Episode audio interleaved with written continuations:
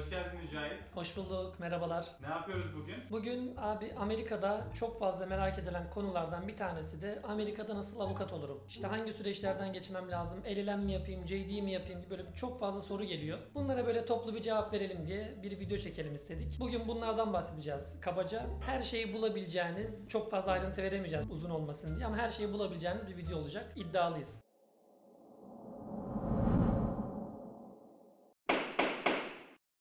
Önce bir kendini sen bize bir tanıt. Kendimi ben çok kısa tanıtayım. Marmara Hukuk mezunu bir avukat olarak İstanbul'da çalışıyorken bir yabancı dil sevdasına tutuldum. Amerika'ya geldim. E, devamında İngilizce dil eğitimi alırken bu sefer master sevdasına tutuldum.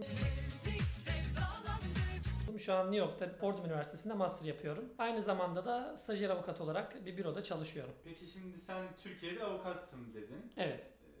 Peki burada direkt avukat olabiliyor musun? Şimdi bir davam oldu. Sana gel Mücahit beni kurtar diyebiliyor muyum? Diyemiyorsun keşke diyebilsen. Maalesef öyle bir imkanımız yok. Amerika biliyorsun 50 tane eyaletten oluşuyor. Bu 50 eyaletin 5-6 tane eyalet yurt dışında hukuk mezunu olan ve ruhsatnamesi olan avukatlara bir yıllık bir master yapma şartıyla çalışma imkanı sağlayabiliyor. Bunların başında tabii bizim şu an yaşamış olduğumuz New York eyaleti geliyor. Kaliforniya var, Washington DC var ve bir- birkaç eyalet daha var. Yani ben master yapar yapmaz direkt alıyor muyum çalışma izni? Master yaptıktan sonra şöyle bir süreç başlıyor. Baro sınavına girme imkanı sağlıyor size bu LLM yapmış olma durumu. Tabii ki direkt master yaptın gel avukatsın abi diye kimse öyle bir şey söylemiyor. Baro sınavında da başarılı olursanız Amerika'da avukat olarak çalışabiliyorsunuz. Hangi programlar var Amerika'da faydalanabileceğiniz, araştırabileceğiniz? En kısa yoldan ve en maliyetsiz olan program 30 bin dolar ile 70 bin dolar arasında LLM programı bir yıllık sürüyor ve 24 kredi tamamlıyorsunuz. İkinci başvurabileceğiniz imkan JD e, yani Juris Doctor olarak adlandırmış olduğumuz bir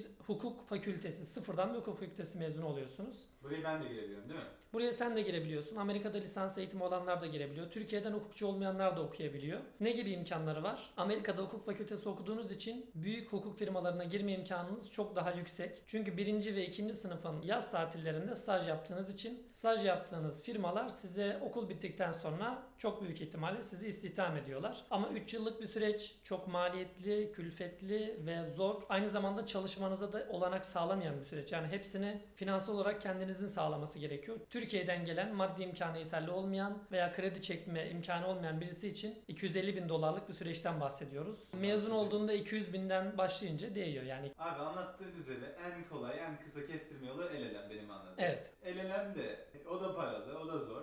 Sen bize bir süreci, bir başvuru sürecini şunu bunu bir anlat bakalım. Öncelikle şöyle bir bilgi vereyim. Eğer yabancı dil puanınız varsa yani yeterlilik şartlarını sağlıyorsanız en az bir yıl erkenden başvurmanız gerekiyor. Bu birazdan bahsedeceğim sürece. Eğer dil puanınız da yoksa yaklaşık 2 yıl önceden yavaştan hazırlığa başlamanız gerekiyor. IELTS için 7, TOEFL için de ortalama 100 yeterli oluyor. Şimdi başvuru süreci nasıl oluyor? Biraz ondan bahsedeyim. Okulların hepsine toplu başvuru yapabileceğimiz bir platform var. Law School Admission Council diye bir program. Bunun yaklaşık 300 dolar bir kostu var. Bu ne gibi bir imkan sağlıyor bize? Okulların hepsini listeleme, sıralama, hangi okul hangi başvuru şartlarını istiyor. Bunların hepsini te- yani toplu olarak bir platform üzerinden takip etme imkanımız oluyor. Şimdi başvuru süreci nasıl oluyor? Biraz ondan bahsedeyim. Birinci süreç en zorlu süreç. Okulunuzdan diplomanın İngilizce ve Türkçe orijinalini ve transkriptinizin İngilizce ve Türkçe orijinalini okulunuzun öğrenci işlerinin buraya direkt olarak kargolaması. Yani buradaki Elzek'in ofisine kargolaması. Ablacığım burada benim yapabileceğim çok fazla bir şey yok.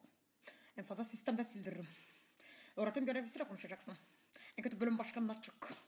İkinci adım dil yeterlik şartı. Dediğim gibi IELTS'ten 7, TOEFL'dan da 100 ortalama alırsanız ve bu puanınızı ELZEK'e yüklerseniz yeterli oluyor. Üçüncü durum iki tane farklı akademisyen hocanızdan alacağınız referans mektubu. Devamında her okul için ayrı ayrı yazacağınız Statement of Purpose yani motivasyon mektubu. Son olarak da CV'nizi, rezümenizi Amerikan formatında hazırlayarak bir sayfaya geçmeyecek şekilde bir CV hazırlamanız gerekiyor. Bunların hepsini bu platforma yüklüyorsunuz ve tarihi ve zamanı geldikçe bir liste yaparak sıralayarak tek tek tüm okullara başvurabiliyorsunuz. Başvuru süreci kısaca böyle. Peki başvuruyu yapıyoruz okey. Hangi okul seçeceğimi bilmeden ben nasıl başvuru yapacağım? Neye göre seçiyorum ben okulu? Okul seçerken temel olarak iki şeyi baz almamız gerekiyor. Bir, lokasyon 50 eyaletin sadece 5 eyalet bize çalışma imkanı sağladığı için LLM'le yani JD olursa 50 eyaletin hepsinde çalışabiliyorsunuz. LLM olursa sadece işte New York, Kaliforniya, Washington DC bu gibi büyük metropol şehirlerde çalışabiliyorsunuz. Bu yüzden şehir çok önemli. Zaten çok fazla seçeneğimiz yok. Hangi şehirde yaşamak istediğimize önce karar veriyoruz. Daha sonra o şehir, şehirdeki okulların adının yani kalitesine göre, itibarına göre bir liste yapıyoruz. Burada önemli olan soru şu. Her okulun uzmanlık alanı biraz daha farklı. Yani özellikle motivasyon mektubu yazarken her okula farklı bir motivasyon mektubu yazmak gerekiyor. Ne gibi? Mesela örnek bizim okul yani Fordham Üniversitesi Alternative Dispute Resolution'da veya Arbitration'da çok iyi. Ona göre bir rezüme hazırlamanız ve ona göre bir SOP hazırlamanız gerekiyor. NYU'nun vergi programı, taxation programı çok iyi. Ona göre bir SOP hazırlamanız gerekiyor. Bunlar için de her okulu önceden araştırmanız, nasıl bir CV ve nasıl bir SOP hazırlamanız gerektiğini erkenden harekete geçmeniz gerekiyor ki hem kabulü kolay alın hem yüksek miktarda burs alın. Şimdi burs dedin beni yakaladın. Herkesin yara aldığı kadar kusura bakmayın bu yürek de yara almıştır. Evet, en önemli konu. Evet yani ben bildiğim çok pahalı masterlar. Ben sırf o yüzden master yapmadım. Evet. Yani Amerika'da master çok pahalı bir şey. Burs da kaz- kazanamıyorsun neredeyse. Değil mi? Yani burs Avrupa'ya göre kazanmak çok çok daha zor Ee, ve LLM masraflarının public school'larda bile 30 bin dolardan başladığını düşünecek olursak 30 bin dolardan 70 bin dolara kadar LLM masrafları değişiyor. Sadece okul. Sadece okula ödediğiniz masraf. Yani okula ödediğiniz tuition. Bir de bunlara ilaveten burada New York, bir de Kaliforniya. New York'da veya Kaliforniya'da yaşama masraflarınız var. Buna kiranızı, faturalarınızı, yeme içme masraflarınızı, ulaşım masraflarınızı eklerseniz ortalama aylık 1500'den minimum 12 aydan da bu 1500 dolarları hesapladığınız zaman çok büyük bir meblağ çıkıyor. Burada ne yapılabilir? Üniversitede öğrenciyken Work and Travel programına gelip o şekilde biraz birikim yapabilirsiniz. Okul başladıktan sonra okulun içerisinde 20 saat çalışma imkanınız var. Bunu değerlendirebilirsiniz. E bir de New York veya Kaliforniya gibi büyük bir şehirde öğrenci olacağınız için burada da çevreniz oluşacak. Bu çevre sayesinde de başka opsiyonlar karşınıza çıkabilir. Burs imkanlarını çok fazla iyi araştırmanız gerekiyor. Taktiğin var mı? Nasıl? Önce genel burslardan bahsedeyim sonra da kendi taktiğimi vereyim. Fulbright bursuyla gelebilirsiniz. TEV bursuyla gelebilirsiniz. Okulların başarı burslarını erkenden araştırıp başvurabilirsiniz. Sporcuysanız burs alma ihtimaliniz yüksek veya çok fazla olmasa da ihtiyaç bursları var yani ihtiyaca binaen verilen burslar. Bunları araştırabilirsiniz. Dediğim gibi her okulun ayrı ayrı araştırmanız gereken özellikleri var. Hocam ben bir duyum aldım. Okula göre, nabza göre şerbet verirsen bursum artıyormuş. Aynen öyle. Aynen öyle. Mesela örnek vereyim. Syracuse Üniversitesi engelli hukuku alanında Amerika'nın en iyi hocalarından bir tanesi. Orada şu an eğitim veriyor. Syracuse'e başvuru yaparken, sopunuzu ve rez- rezümenizi ayarlarken ben engelli hukuku alanında daha önceden çalıştım. E, Türkiye'deki engelli hukuk alanı ile alakalı çalışmalarım var. E, bu alanla alakalı uzmanlaşmak istiyorum. Buradaki tecrübemi Türkiye'ye taşımak istiyorum diye bir sop yazarsanız ve hocanın adını da burada belirtirseniz burs alma imkanınız çok daha kolay. Hem kabul hem burs alma imkanınız çok daha Bence kolay. o zaman burs için okulları iyi araştıracağız. Okulları çok iyi araştırıyoruz. Hangi okul hangi uzmanlık alanında çok iyi. Bunları çok iyi araştırıyorsunuz. Ve bunları kullanarak, bunlara sopa yedirerek e, yüksek miktarlarda burs alıp daha sonra bu aldığımız bursları da diğer okulların kabulünde ve bursunda pazarlık payı olarak yani negotiation yapabiliyorsunuz. Yani 12 bin dolara benim şu an master kabulüm var. Yani Niye 12 bin. gitmiyorsun ona peki? Çünkü okul çok iyi değil. Ondan dolayı yani okul yani, Yani okul adımı önemli atlamak mi? için çok iyi. Yani oradan mezun olup benim çok büyük bir hukuk firmasında çalışma imkanım çok fazla yok. O yüzden. Sonra bir sınav var diye bir duyum aldım. Olmaz Doğru mı? mudur? Olmaz mı? Baro sınavı arkadaşlar ciddi anlamda Amerika'daki en zor sınavlardan bir tanesi. Özellikle Kaliforniya ve New York baro sınavları oldukça zor. E, Yaklaşık olarak 2 gün sürüyor bu sınavlar. Çoktan seçmeli sorular ve essay olarak. Master'da görmüş olduğunuz tüm konular baro sınavında çıkacak her şeyi kapsamıyor. Dolayısıyla sizin ekstradan elenen bittikten sonra bir hazırlık kursu veya dershanesi alması, almanız gerekiyor. Bu da yaklaşık olarak 2000 dolarla 4000-4500 dolar arasında değişen bir maliyeti var.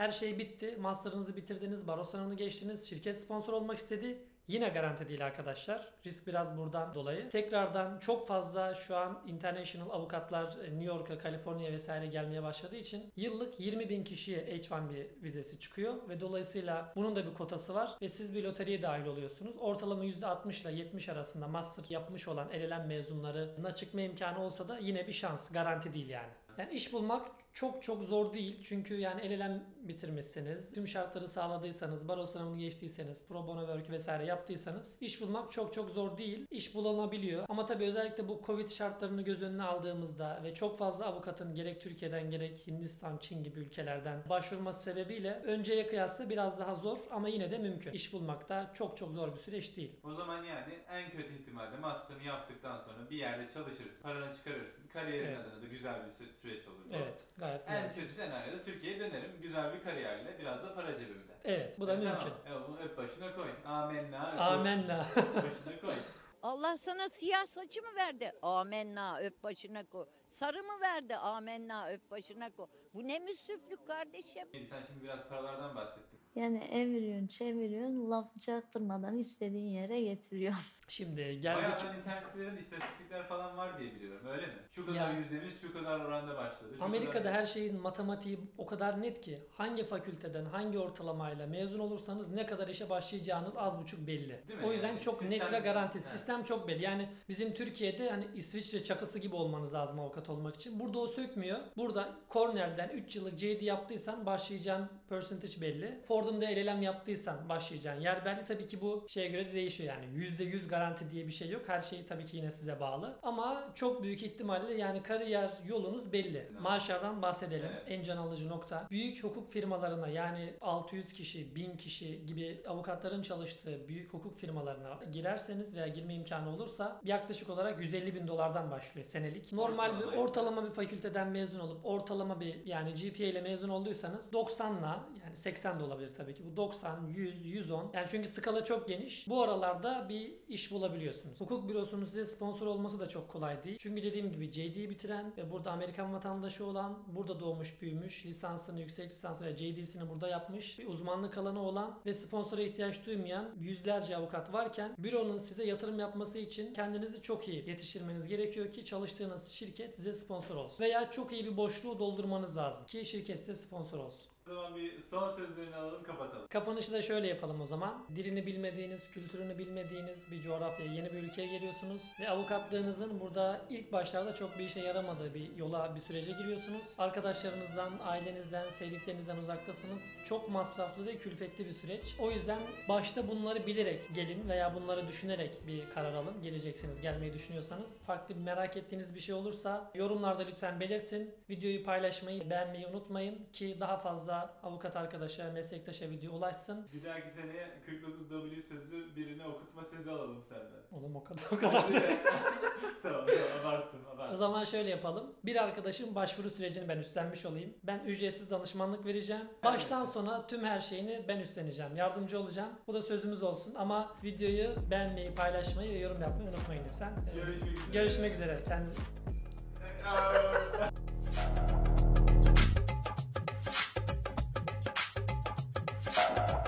Esquire, turn that shit off.